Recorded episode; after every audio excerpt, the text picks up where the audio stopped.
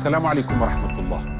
بعد انهيار الاتحاد السوفيتي وانهيار يوغوسلافيا السابقة، بدأ الصرب يبحثون عن هوية جامعة، عن رؤية لمستقبلهم، كما بدأت كل الدول التي خلفها انهيار الاتحاد السوفيتي، 14 دولة كانت تنضوي تحت لواء الاتحاد السوفيتي.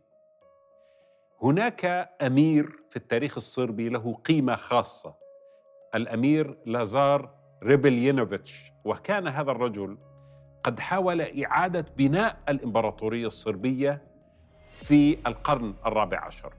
قتل في معركة كوسوفو على يد العثمانيين في عام 1389 معركة كوسوفو هذه كانت من المعارك الفاصلة في تاريخ البلقان لأن العثمانيين الذين بدأوا التوسع باتجاه البلقان وصلوا إلى كوسوفو اشتبكوا مع مجموعة من الجيوش ال ال ال الأرثوذكسية في ذلك الوقت وقتل فيها آه الأمير الصربي آه لازار. لازار هذا عندما قتل تقول الرواية الأسطورة أنه ظهر له أليجا النبي. أليجا يعني إلياس. ظهر له وخيره بين النصر في ساحة المعركة وبين أن يقتل فيصبح شهيد فيتحول إلى مملكة السماء، فاختار مملكة السماء على مملكة الأرض وهكذا قتل في تلك المعركة، طبعا معركة كوسوفو أيضا قتل فيها السلطان العثماني مراد الأول. في هذه المعركة كانت نقطه تحول بين حلم الصرب في استعادة إمبراطوريتهم وبين الواقع الذي ألجأهم بعد معركة كوسوفو إلى تسوية مع العثمانيين لكي يعيشوا ضمن نطاق الدولة العثمانية.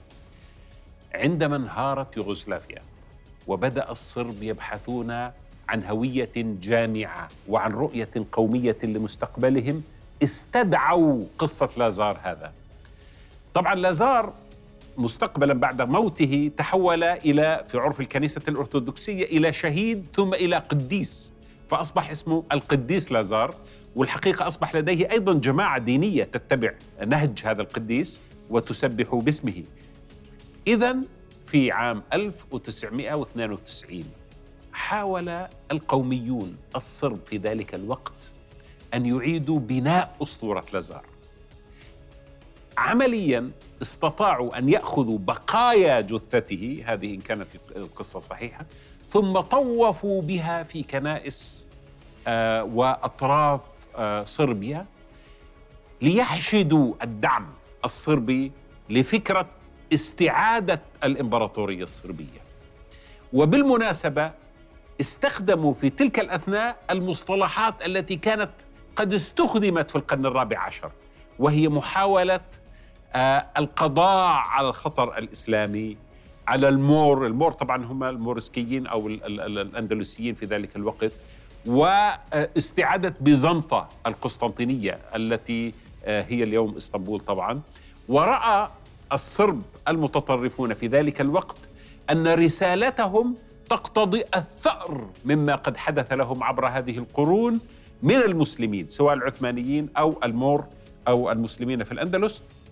وهكذا بدأت حرب التصفية تصفيه الوجود الإسلامي في البلقان وحرب الإبادة الجماعية بالنسبة للمسلمين. في هذا العام عام 1992 الذي بدأت به حرب البوسنة نشر كتاب نهاية التاريخ والإنسان الأخير لفوكاياما. فوكاياما اعتقد أن انتصار الليبرالية الغربية وهزيمة الشيوعية هي النقطة الفاصلة التي وصل فيها الوعي الجمع الإنساني إلى لحظة لحظة انتصار ستدوم.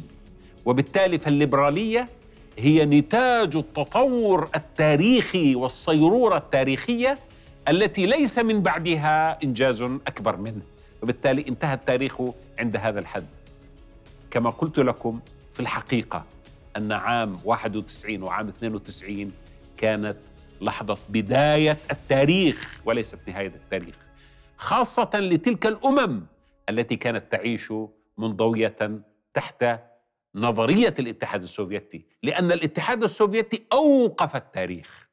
الاتحاد السوفيتي أوقف تاريخ الإمبراطورية الروسية وحاول أن يقدم تاريخا جديدا. آه، الأساطير المؤسسة للقوميات قوميات الأمم المنضوية تحت الاتحاد السوفيتي وقدم لها رؤية جديدة عن الإنسان السوفيتي الإنسان الجديد الإنسان الذي يؤسس مملكة المساواة ويؤسس حضارة الاشتراكية. الاتحاد السوفيتي أوقف التاريخ انهياره أطلق التاريخ واستدعت هذه الأمم مرة ثانية تاريخها متصلة بما قبل الاتحاد السوفيتي وفوكاياما كان قد أخطأ في وصف تلك اللحظة بأنها نهاية التاريخ.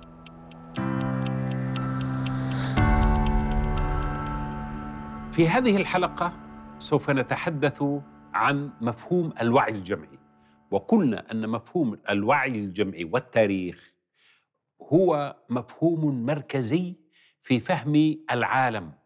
والتوازنات التي تحدث بين القوى الكبرى بالإضافة إلى الجغرافيا التي ناقشناها في الحلقات الماضية يقف التاريخ إلى جانب الجغرافيا لكي يشكل الواقع الذي تتصرف الدول والأمم بناء عليه.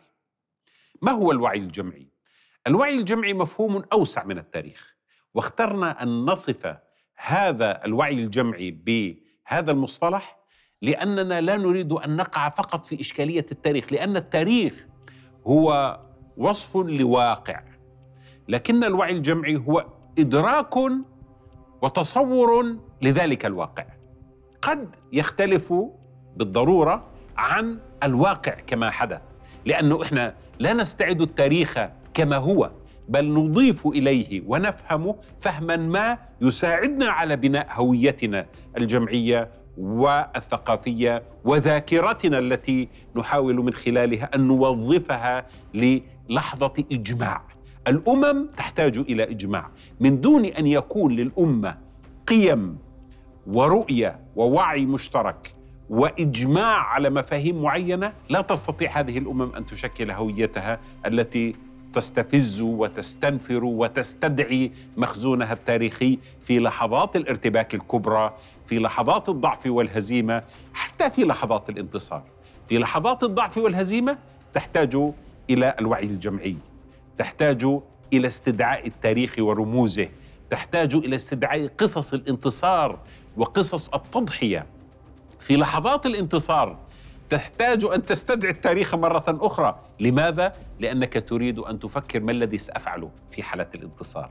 فالأمم في ضعفها وفي انتصارها تستدعي رموز التاريخ وتستدعي الوعي الجمعي.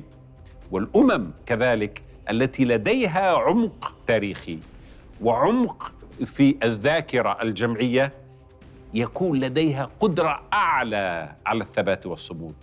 وعلى ما نسميه بالصبر التاريخي والصبر الاستراتيجي.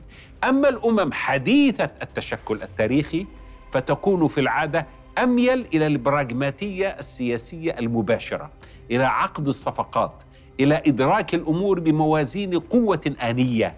الأمم ذات التاريخ تدرك الواقع بميزان تاريخي بميزان تاريخي بعيد الأمد ولذلك صبرها على المكاره واحتمالها للتضحيات يكون أكبر عادة من الأمم حديثة التشكل في التاريخ. اذا ما هو الوعي الجمعي؟ الوعي الجمعي هو جملة الاعتقادات والمفاهيم والمنطلقات الأخلاقية والتجارب التاريخية التي يشترك بها قوم من الناس أو أمة من الأمم وتشكل في مجملها رابطة جامعة لهوية وثقافة تلك الأمة من هذا المنطلق عندما نأتي لوصف العالم الإسلامي على سبيل المثال ما هي القيمة أو ما هي ما هو الجمع العقل الجمعي الذي يشكل لعالمنا الإسلامي منطلقا لرؤية الواقع ورؤية العالم من حولنا؟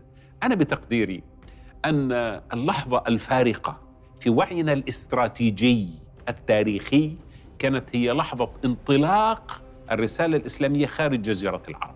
بمعنى عندما تشكل في وعينا أننا أمة نحمل رسالة ثم انطلق المسلمون لمقارعة إمبراطورية الفرس وامبراطوريه الروم القطبان الأعظمان في ذلك الوقت الفرس والروم بدأنا نستوعب أن لدينا مركزا جيوسياسيا حامل لرسالة معينة. وهذه اللحظة في التاريخ اللي هي لحظة ما بين آه، آه، فتوحات المسلمين في العراق وفتوحات المسلمين في الشام تشكلت لدينا هذه الرؤية لمركزية الرسالة في ثقافتنا ولمركزية المنطقة المنطقة المشرق جزيرة العرب وببعديها الشامي والعراقي في العالم. وفي الحقيقة أن أكبر انقلاب جيوسياسي حدث في التاريخ هو ذلك الانقلاب الذي وقع عندما خرج المسلمون من جزيرة العرب وهم قوة في ذلك الوقت لا يؤبه لها على الإطلاق من القطبين الأعظمين الفرس والروم. لم يكن يد لم يكون لم يكن في الحسبان أيضا أن هناك من ينافس أو هناك من يمكن أن يؤدي إلى وراثة هاتين الإمبراطوريتين. هذه اللحظة كانت هي المفاجأة الاستراتيجية الأكبر في التاريخ لأنه عادة يكون لديك توقعات أن هناك أمة أو شعب يريد أن ينقض عليك ثم أنت تتخذ الاحتياطات اللازمة. في حالة المسلمين هذه الحالة كانت حالة مفاجئة للسياقات الطبيعية للصراع ما بين الإمبراطوريتين الكبيرتين الفرس والروم الذين تصارعوا عبر قرون من الزمن. وخبر كل منهما نقاط قوة الخصم وضعفه. لكن عندما جاء المسلمون من جزيرة العرب هذا كان لاعب جديد لاعب متخفف من أثقال معرفة الآخر وتوقعاته عنه قادر على الاختراق فتي قادر على أن يقدم رؤية أيضا للعالم. مختلفة عن الرؤية السائدة في ذلك الوقت يؤمن بنظرية جديدة في توزيع السلطة والقوة ليس كتلك النظرية الإمبراطورية التي يؤمن بها كل من الفرس والروم. فحصل الاختراق العظيم في تلك المرحلة وفي ثلاثينيات القرن السابع يعني 730 فيما بعد عندما بدأ المسلمون ينتصرون على الفرس انتصارا ساحقا وعلى الروم عبر أيضا سنوات من الصراع أخرجوهم من جزيرة العرب تماما أخرجوهم من الشام أخرجوهم من مصر وأخرجوهم أيضا من اللعبة السياسية السائدة في ذلك الوقت بتقسيم العرب إلى غساسنة ومناذر يخدمون المنظومة الدولية. إذا هذا الاختراق الكبير هذا الوعي الاستراتيجي تشكل في تلك الفترة.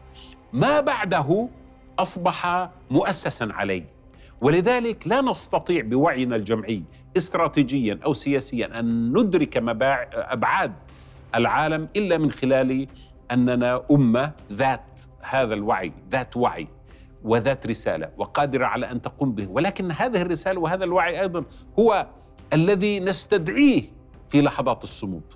هذا الذي استدعته الجزائر على سبيل المثال في 130 سنة في حربها ضد الفرنسا ولم تستطع فرنسا أن تسحق الجزائر أو أن تنهي الهوية الجزائرية كما استطاع المهاجرون إلى أمريكا أن ينهوا الهوية التي كانت سائدة في الشعوب الأصلية الأمريكية أو تلك التي حدثت في أستراليا أو نيوزيلندا.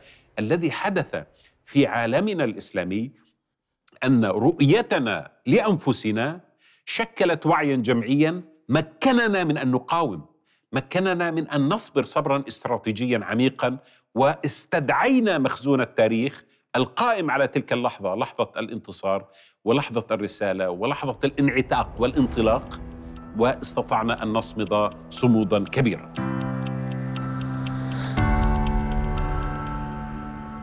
من هذا الباب يشدني كثيرا أن أقرأ الخرائط القديمة. ومن الخرائط القديمة التي تسترعي نظري تماما وأحبه حبا جما الحقيقة هي خارطة الإدريسي للعالم. الإدريسي هذا رجل عاش في العهد الذهبي للإسلام يعني في القرن الثاني عشر قبل سقوط بغداد بأكثر أو من مئة عام تقريبا. وكان يدرك كما كان يدرك العالم. أجمع أن العالم في ذلك الوقت بموازين قوته باقتصاده بثقافته باختراعاته بعلمائه كان عالما اسلاميا. المركزية العالمية كانت ذات طبيعة إسلامية. وكان الإدريسي الذي ولد في سبتة في المغرب قد هاجر إلى صقلية. ف طلب منه أو أراد أن يكتب كتابا كتاب نزهة المشتاق في اختراق الأفاق. عندما أراد أن يكتبه ابتعث عشرة جغرافيين مكتشفين إلى مختلف أنحاء العالم وطلب منهم أن يوثقوا رحلاتهم وأن يقيسوا أبعاد الأرض التي يتحركون من خلالها ثم رسم هذه الخارطة التي ترونها أمامكم. وهذه الخارطة بقيت مرجعا للعالم لمدة 300 سنة لأنها كانت أفضل ما فعله العقل البشري حتى تلك اللحظة. يراعي آه، نظري في هذه الحالة أن الخارطة مقارنة بخرائط اليوم مقلوبة بمعنى أن العالم آه، مركزه ليس آه، أوروبا كما هي خارطة اليوم طبعا لأن العالم مركزه في ذلك الوقت كان العالم الإسلامي جزيرة العرب أما لماذا هي مقلوبة؟ لأن الجغرافيين العرب بناء على السنة التي اتبعها البلخي في خارطته الأولى التي رسمت في القرن التاسع آه، الميلادي أراد أن يجعل الكعبة في صدر العالم. فلذلك كان لابد من أن تكون في بداية الخارطة من فوق. الخارطة البلخية هذه أصبحت هي السنة التي يسير عليها بقية الجغرافيين المسلمين ومن هنا نرى العالم من وجهة نظر المسلمين في تلك اللحظة، لحظة الانتصار في العصر الذهبي. هذا ليس شيئا نادرا كل دولة أو إمبراطورية رسمت خارطة ووضعت نفسها في قلب العالم، لأن العالم هو إعادة تصور للواقع بناء على مركزيتك أنت. الصين لديها خارطة مشهورة تقع فيها الصين في قلب العالم. قبل ذلك أقدم خارطة نعرفها في التاريخ هي الخارطة البابلية. التي قيل أنها عثر عليها وأنها كانت قد رسمت آه، في القرن السادس قبل الميلاد. وهذه الخارطة أيضا تضع بابل في قلب العالم. وبالتالي هذه هي الحضارات الإنسانية. كلما تقلبت وتغيرت كلما استدعت ذلك المخزون الجمعي لكي يجعل من تلك اللحظة لحظة العصر الذهبي العصر الذهبي الإسلامي العصر الذهبي الصيني العصر الذهبي الأوروبي إلى آخره وضعته في القلب في قلب تصورها للعالم. وهذا الذي يبقي من للأمم معنى ويبقي لها غاية ويبقي لها رسالة ويبقي لها ألق. لكن إن ضاع ذلك أصبحت الأمم في حالة تراجع في حالة استرخاء وفي حالة ارتباك وفي معظم الأحيان تصبح مسرحا للاعبين الكبار بدل من أن تكون لاعبا هي في حد ذاتها.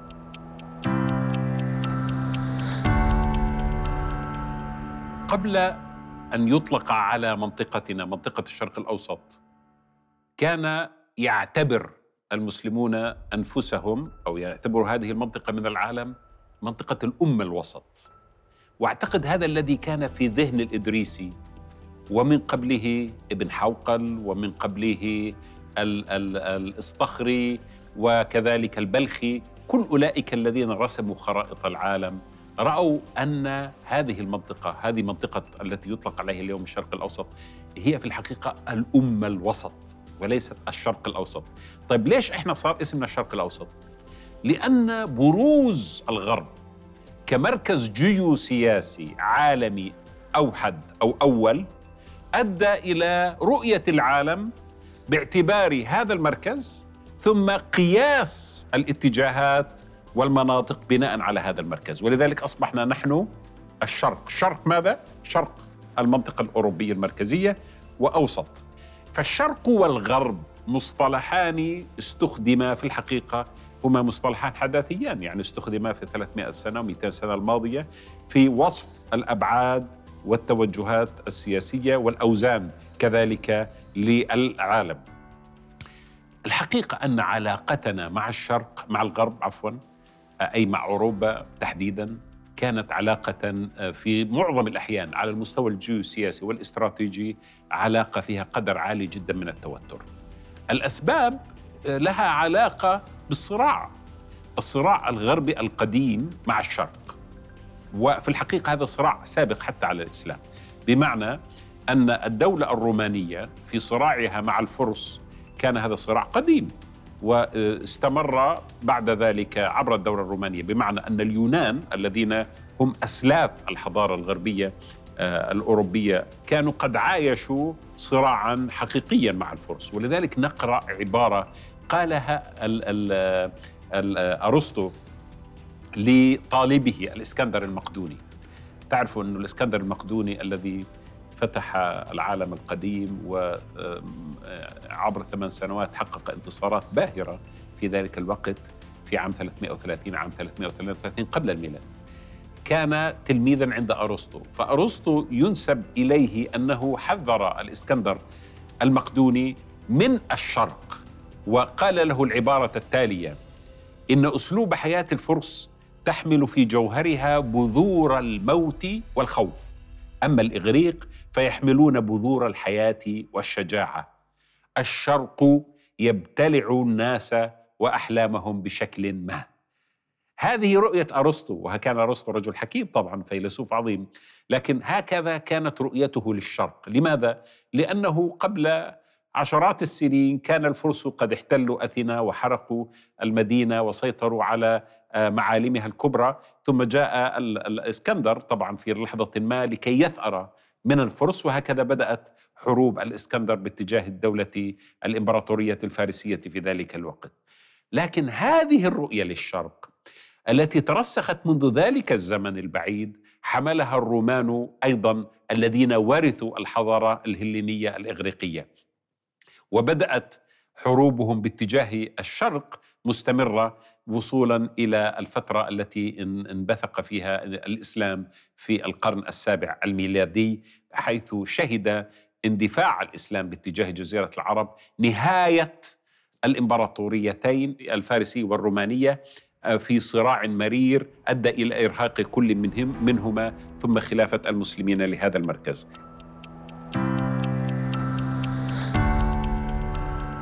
في كثير من الأحيان آه، ينظر الإنسان إلى عالم الغرب والى العالم الأوروبي بقدر عالي من الإعجاب عندما يأتي الأمر في حالة ما، حالة الفلسفة. المسلمون في الحقيقة استفادوا من فلاسفة اليونان ولم ينظروا بعدائية إلى المنجزات الفكرية الفلسفية لليونان كما أن المسلمين أيضا عندما فتحوا الأندلس واستقروا بها كانوا مركز إشعاع حضاري. على الجانب الحضاري والجانب الثقافي والجانب الفلسفي كان هناك تواصل عميق وتأثر كبير من قبل المسلمين بالحضارة الأوروبية بالحضارة الأوروبية القديمة. لكن على جانب الاستراتيجي والسياسي كان دائما هناك تحسب هناك تنافس هناك صراع. وهذا الذي شكل عصب الرؤية الاستراتيجية للأمة الإسلامية علاقتها مع الغرب. لأنك يجب الا تنسى أن المعركة حسمت مع فارس بسرعة ولكنها مع الدولة البيزنطية استمرت قرون من الزمن. في الدولة الأموية ثم العباسية المماليك ثم من بعدهم العثمانيون جميعا كان لديهم حالة من التفاعل وأحيانا الصدام والحروب مع الدولة البيزنطية. ثم بعد في العهد العثماني خارج القسطنطينيه التي فتحت أصبح هناك حروب أيضا مع أوروبا. وقبل ذلك كانت هناك الحروب الصليبية التي اجتاحت المشرق آه، الإسلامي وأدت إلى ذكريات لا يمكن أن تنسى فبالتالي هذا الصراع بين بيننا في هذه المنطقة الوسط من العالم الأمة الوسط وما بين الغرب في الحقيقة صراع قديم له جذور وهناك تنافس جيوسياسي واستراتيجي على البحر المتوسط الذي كان ينظر له عبر التاريخ على أنه مركز الهيمنة العالمية. كل قوة تريد أن تهيمن على العالم القديم كان ينبغي عليها أن تسيطر على البحر الأبيض المتوسط. من دون السيطرة على البحر المتوسط لا تستطيع السيطرة على التجارة. ومن دون السيطرة على التجارة لا, لا تستطيع أن تراكم الثروة اللازمة للإمبراطورية من أجل أن تتسيد وأن تقوى وأن تسيطر وتهيمن.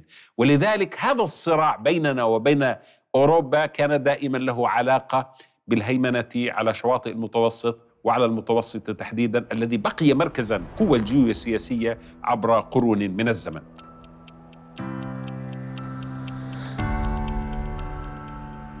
يستذكر الناس أحيانا لحظات انفتاح على الغرب آه، في الجانب السياسي والاستراتيجي ومن بينها تلك القصة التي تروى لنا عن هارون الرشيد وعلاقته بشارلمان.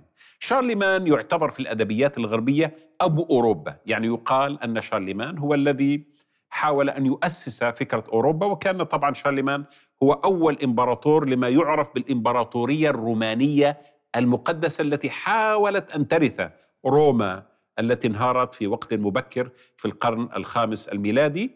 وشارلمان وحد مجموعة من الدول في داخل أوروبا وسيطر عليها وأسس إمبراطورية مركزية متصالحة مع الكنيسة الكاثوليكية في القرن التاسع. آه، شارلمان توفي عام 814 للميلاد.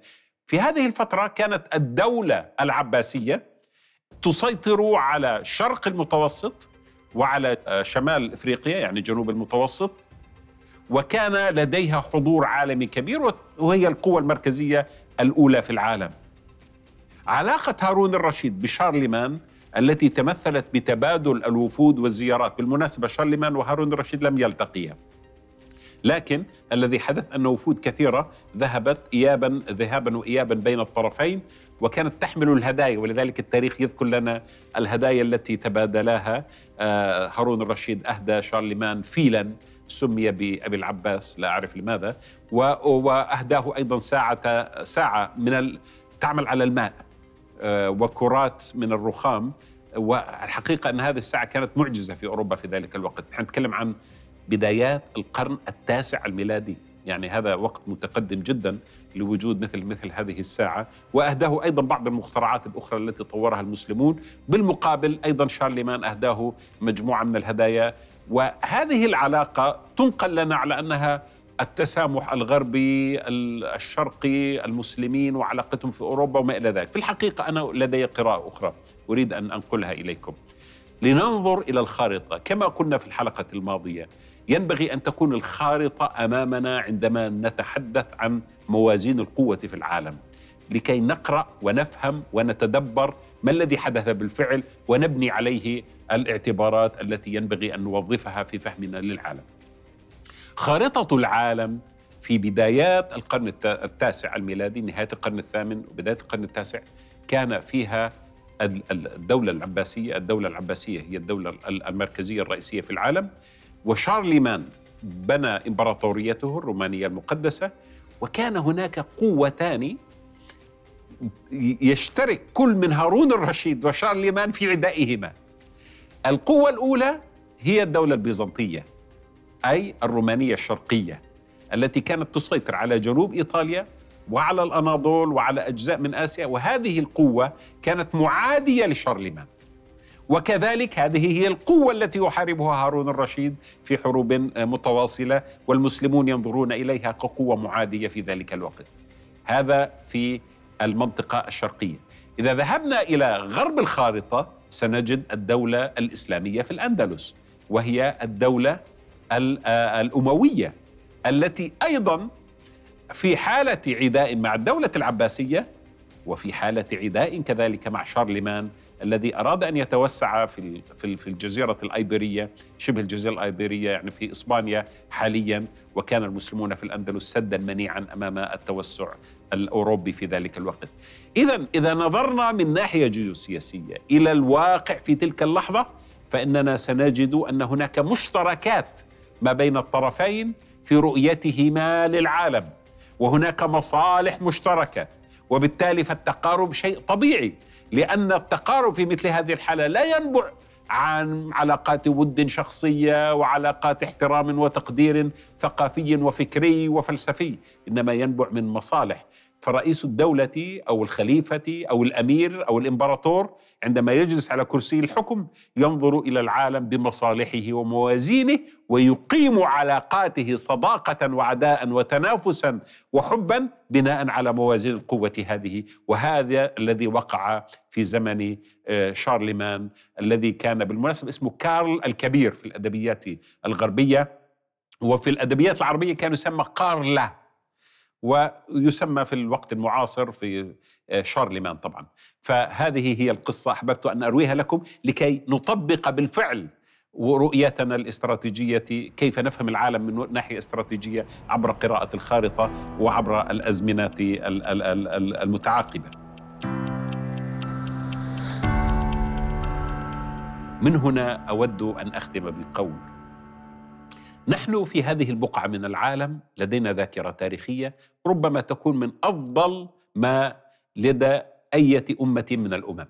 أعتقد أن وعينا التاريخي وعينا الجمعي ذاكرتنا التراكمية في غاية التألق وفي غاية الحضور والاستدعاء يتم لها بشكل سريع. الذي ينقصنا في الحقيقة ليس الذاكره التاريخية ولا توظيف الذاكرة التاريخية.